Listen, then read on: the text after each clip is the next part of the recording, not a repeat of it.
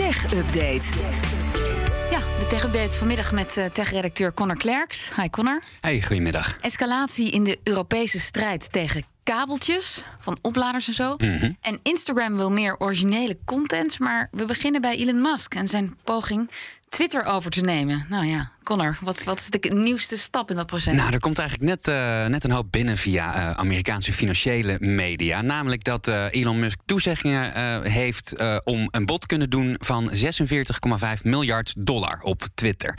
Dat blijkt uit de documenten die hij naar de beurswaakhond heeft gestuurd. Dat is hoger dan eerst. Dat is iets hoger dan eerst. Ik weet niet zeker of hij al, die, al dat geld nodig heeft. Dit komt echt net binnen, maar ik zie dus nu ook binnenkomen waar dat geld vandaan komt. Dat is namelijk voor een deel van de bank Morgan Stanley. Zij zouden bereid zijn hem zo'n 25,5 miljard uh, te gaan lenen.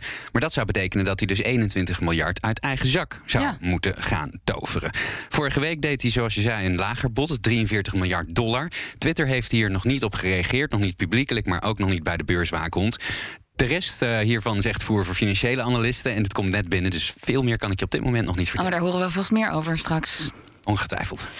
En ehm, dan gaan we naar Gelderland, waar gestolen bestanden van twee gemeentes op het dark web worden verkocht. Ja, pittig verhaal. Honderdduizenden bestanden die gestolen zijn van de gemeente Buren en de gemeente Neder-Betuwe, die worden aangeboden op het dark web. Uh, die bestanden die zijn buitgemaakt nadat die gemeentes werden getroffen door een aanval met gijzelsoftware. Dat was drie weken geleden. En die gemeentes zijn nu eigenlijk naar buiten getreden met wat meer informatie.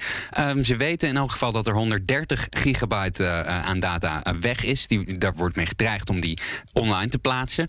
Um, daarvan is van dat het zou ongeveer gaan om uh, 730.000 bestanden. En daarin staan uh, ook gevoelige persoonsgegevens, dus vertrouwelijke informatie van mensen. Daar wordt hij een beetje link.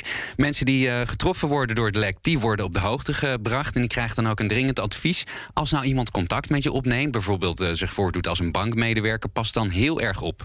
Ja, sowieso is dat een goed idee trouwens. Ja, absoluut. Voorzichtig te zijn. Maar uh, ja, data zijn geld waard. Maar wat Zeker. kunnen die aanvallers met die persoonlijke data? Ja, gestolen, uh, gestolen persoonsgegevens die kunnen echt heel veel geld waard zijn. Want ze kunnen bijvoorbeeld uh, gebruikt worden om bedrijven op te lichten. Als ik jou, al jouw gegevens heb, dan kan ik mij voordoen als Lisbeth Ah, ja. Staats bij een willekeurig telecombedrijf en een abonnement afsluiten.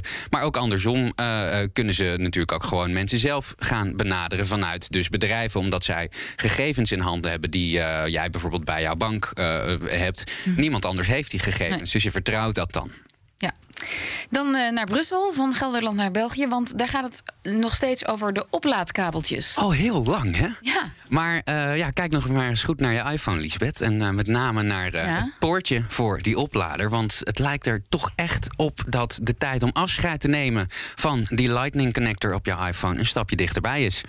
Tweakers schrijft dat het verbod uh, voor Apple om iPhones zonder USB-C-poort uh, te, te, leveren in Europa dichterbij is gekomen. Zit zo, dus een speciale commissie van het Europees Parlement. En die hebben over een voorstel uh, gestemd. En die zijn unaniem akkoord gegaan. Dat is dus niet nog, nog het hele parlement. Mm. Zij stemmen er volgende maand over. Maar omdat dus in die speciale commissie al unaniem werd gestemd, lijkt het er wel echt op dat het parlement dit ook wel gaat goedkeuren. Oké, okay, en dan unaniem tegen de kabeltjes? Unaniem tegen de weerwaar van kabeltjes eigenlijk. Nog maar één standaard willen ze uh, eigenlijk vanuit Brussel uh, qua oplaadtechniek. Als die wet er nou uiteindelijk komt, dan moet een iPhone dus of een USB-C-poort hebben, net zoals alle andere merken dan een USB-C-poort moeten hebben. De meeste hebben dat inmiddels al wel. Ook de Androids? De, Precies, ja. ja. ja. Of geen enkele poort, maar wel draadloze laadtechniek. Dus dan mogen ze geen iPhones meer verkopen zoals ze nu zijn, die dus een eigen Apple-kabel hebben. Ja, pech voor Apple dus. Ja, die vinden dit helemaal niks. Uh, ze verdienen natuurlijk heel veel geld met kabeltjes en met accessoires. En uh, het, het, het, positieve argument wat ze zelf altijd inbrengen,